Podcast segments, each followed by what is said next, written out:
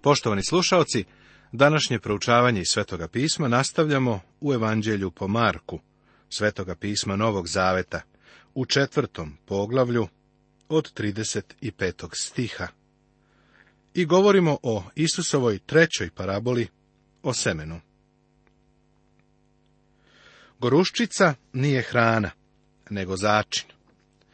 Rast gorušićinog zrna u drvo je neprirodan.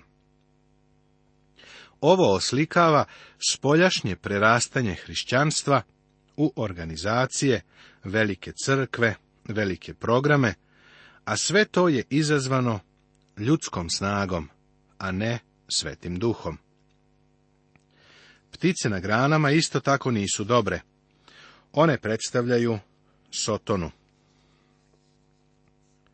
Sada ovdje vidimo da kada je naš gospod završio sa poučavanjem, otišli su na more.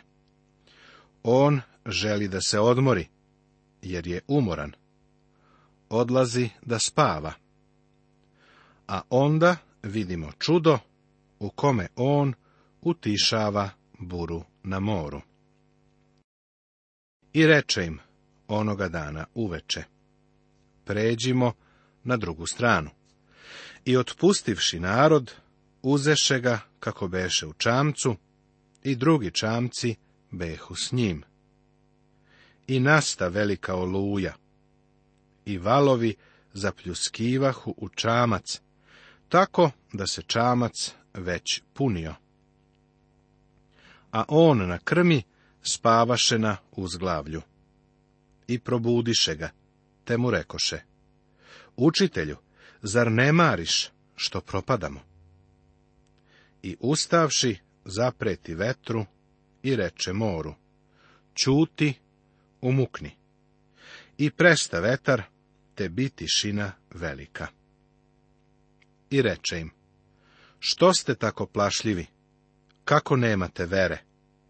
I veoma se uplašiše, te govorahu jedan drugome, tako je ovaj, da mu se i vetar i more pokoravaju. Znaš li šta ih je uplašilo? Nije ih toliko uplašila činjenica da je on utišao buru, koliko što je bura odmah reagovala. Odjednom se sve stišalo. Čudo je bilo tako veliko da su se ovi ljudi uplašili. Kakvu divnu pouku ovdje dobijamo. Isus nas stavlja u bure života da bismo mu se približili i da bismo ga bolje upoznali. Isuse, spasitelju, upravljaj sa mnom na burnom moru života. Neznani valovi predamnom se valjaju, sakrivene stene i podmukli sprud. Vodi me i upravljaj ti. Isuse, spasitelju, upravljaj sa mnom. Poglavlje peto Sada dolazimo do jednog od najvažnijih poglavlja u Markovom evanđelju. Siguran sam da se sada smešiš, jer ovo kažem za skoro svako poglavlje koje proučavamo. Pa, svako poglavlje jeste najvažnije, onda kada ga proučavaš. Ali ovo je važno zato što je Markovo evanđelje evanđelje akcije. U ovom poglavlju dato je više čuda nego i u jednom drugom. I u ovom poglavlju su tri izvanredna povezana čuda. Oni su se mogli izvesti jedino rukom svemogućega. Zato smatram da je ovo poglavlje izvanredno. Dozvoli da kažem samo reč dve o opsednutošću demonima. To smo u više navrata obećali u Matejevom evanđelju, a kada smo započeli sa Markovim evanđeljem, rekli smo da o ovome treba da kažemo nešto detaljnije. Sada je prilika i dođoše na drugu stranu mora, u kraj Gerasinski. Naš gospod je poučavao na drugoj strani i pričao im je parabole. Bio je umoran, pa je prešao more. Gerasinci su bili stanovnici Gerase, odnosno Gadare. I to je bila zemlja data Gadovom plemenu, sa istočne strane reke Jordan. Seti se, Gad je izabrao pogrešnu stranu Jordana. Oni su ostali na istočnoj strani, a sada ih vidimo u poslu sa svinjama. Vidiš, kada odstupiš od Boga, onda se sve više udaljavaš od njega. I kad izađe iz čamca, odmah mu iz grobova iziđe u susret čovek sa nečistim duhom. On je čovek, ljudsko biće. Pre svega to zapazi i pribeleži. On je u očajničkom stanju, ali je i dalje čovek. To je ono što je gospod Isus video, čoveka. Uprkos njegovom stanju, Isus je video čoveka. Njegov stav i ponašanje nagoveštavaju da je čovek bio lud ili manijak. Poslušaj šta o njemu piše. Koji stanovaše u grobovima i nikoga više nije mogao ni lancem svezati, jer je mnogo puta bio vezan u okove i lance, pa je pokidao lance i polomio okove i niko nije mogao da ga ukroti i stalno beše u grobovima i brdima danju i noću, vičući i bijući se kamenjem. Ovo je užasan slučaj čoveka, opsednutog nečistim duhom. On je prebivao, odnosno nastanio se među grobovima. Tu je živeo, bio je to njegov geto. Grobovi su bili nečista mesta tu su bili mrtvaci, a tela su ponekad bila vidno izložena. On više nije uživao u društvu normalnih ljudi, nego je živeo među mrtvima. U Mateju vidimo da je bio još jedan čovek, ali Marko i Luka se usmeravaju na ovoga. Shvatili smo da onaj drugi čovek nije bio pratilac ovoga, kao što mu ni mrtvi nisu bili nikakvi drugari. On je bio sam. Ipak nam se kaže da je posjedovao nadprirodnu snagu, pa zato nisu mogli da ga svežu. Sama činjenica da jedan čovek pokazuje nadprirodnu silu, ne dokazuje da mu je Bog dao. Ovaj slučaj je tipičan primjer. Ovo je bio divlji ili mahnit čovek, pa niko nije mogao da ga obuzda. Bio je jadan. Trpeo je strahovite fizičke povrede, koje je sam sebi nanosio. On je biće jada i bede, a na ljudskom nivou beznadežan slučaj. Njegov glas je nerazgovetan, pa samo zapomaže. Kakvo užasno stanje, a sve zbog demonske opsednutosti. I videvši Isusa iz daleka, potrča i pade pred njim ničice, te povika veoma glasno. Šta ja imam sa tobom, Isuse, sine Boga najvišega? Zaklinjem te Bogom, nemoj me mučiti jer mu govoraše, iziđi duše nečisti iz čoveka. Čovek se poklonio pred Isusom, ne demon. Plašio se Isusa.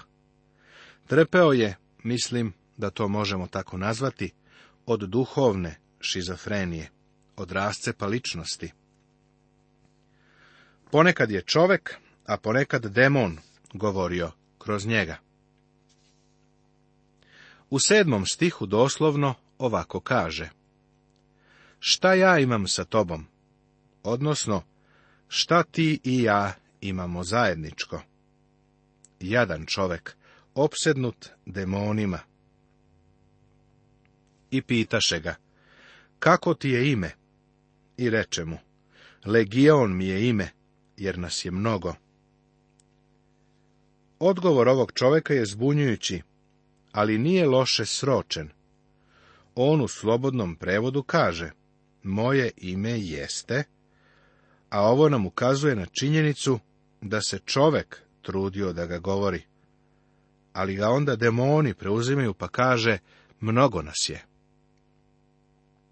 I moljaše ga mnogo da ih ne istera iz onog kraja.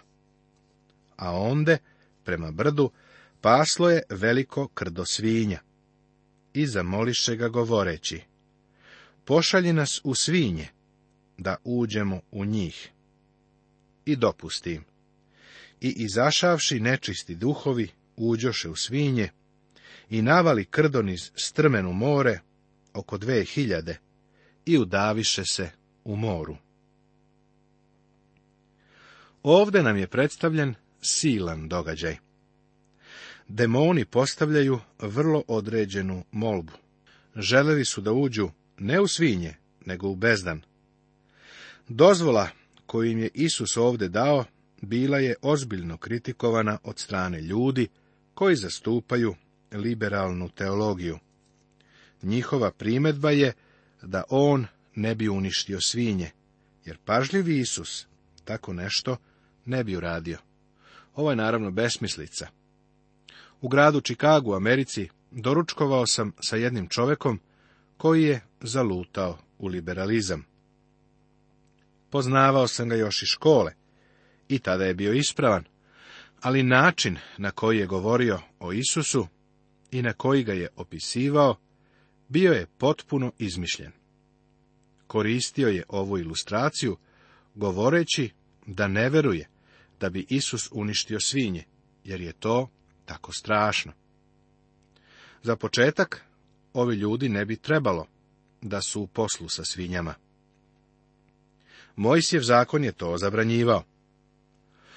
Onda sam ovog čoveka podsjetio da je 2000 ovde uništenih svinja beznačajno u poređenju sa svinjama koje su uništene u potopu u Nojevo vreme. A treća zanimljiva stvar je da dok smo zajedno doručkovali, on je jeo slaninu. O čoveče, rekao sam mu, voleo bih da je to prasence koje upravo jedeš moglo da bude jutros ovde i da ti kaže šta misli o tebi, jer kukaš kao morski konj i drvodelja.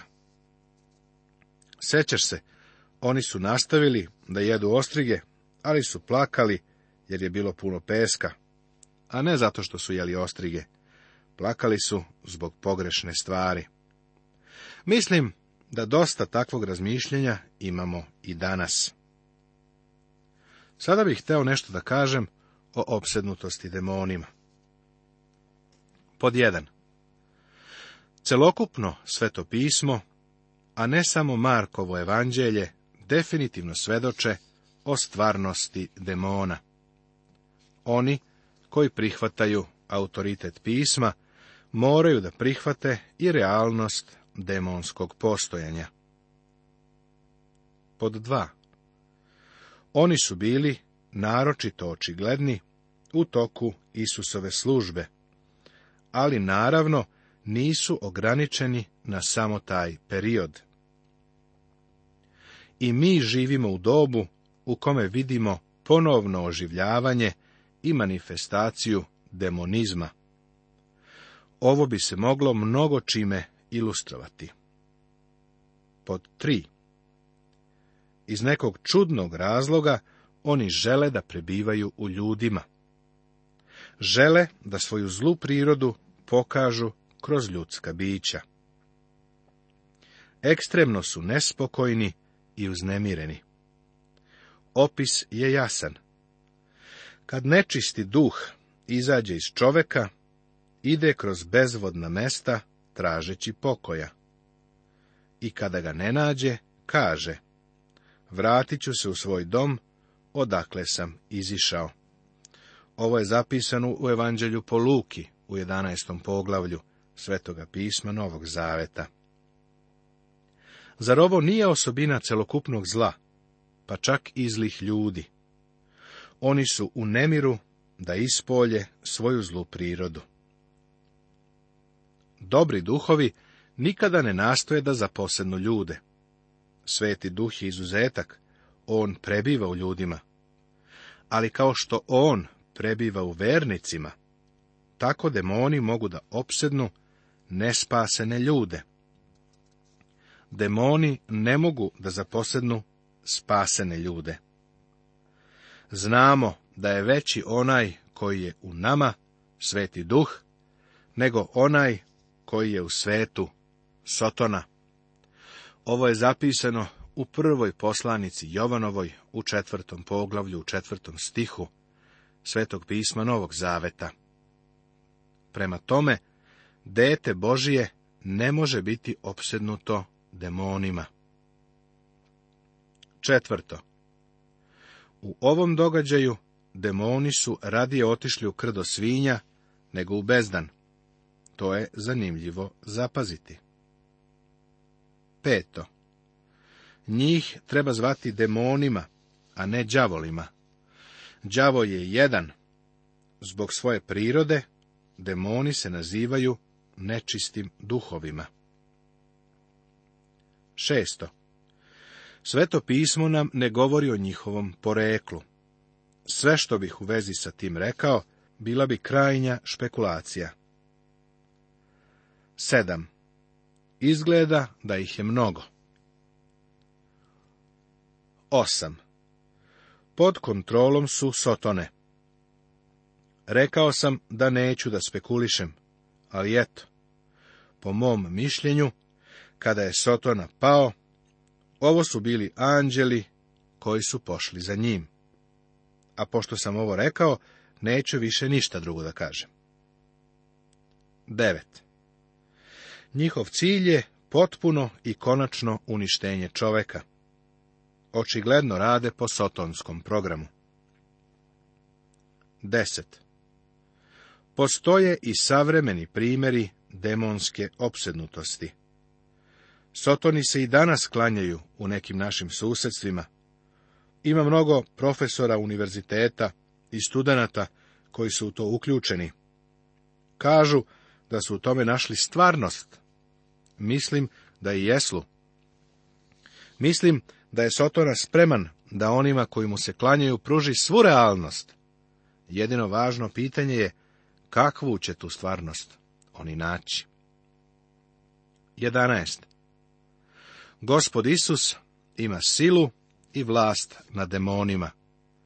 Ovo je najvažnije što treba da znamo. Ni za jednog vernika nema razloga da se plaši demona ili da u vezi sa njima prihvata bilo kakva sujeverja ili maglovita verovanja. Ako smatraš da te opterećuju, moli gospoda Isusa da te oslobodi. Oni se isteruju u njegovo ime, a živjeti u strahu od njih znači nemati dovoljno vere u gospoda Isusa.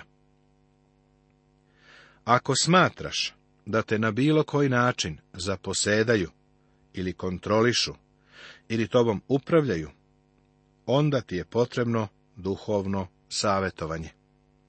Seti se da gospod Isus Hristos ima vlast i silu nad demonima. O ovom događaju je Joseph Odell napisao vrlo prigodnu pesmu. Ljudi iz Gerase došli su i zamolili Isusa da ode sa njihove obale. Razlog za to je bio sljedeći. Više su voleli da imaju svoje svinje nego njega. Ovo je pitanje kojim bismo u naše vrijeme mogli da proverimo svoja srca. Jer je mnogo ljudi koji bi više voleli da imaju druge stvari, koje su isto tako loše kao svinje, nego Hrista. Sljedeće čudo usko je povezano sa čudom podizanja iz mrtvih Jajrove kćeri, ali o tome ćemo nastaviti u našem narednom programu.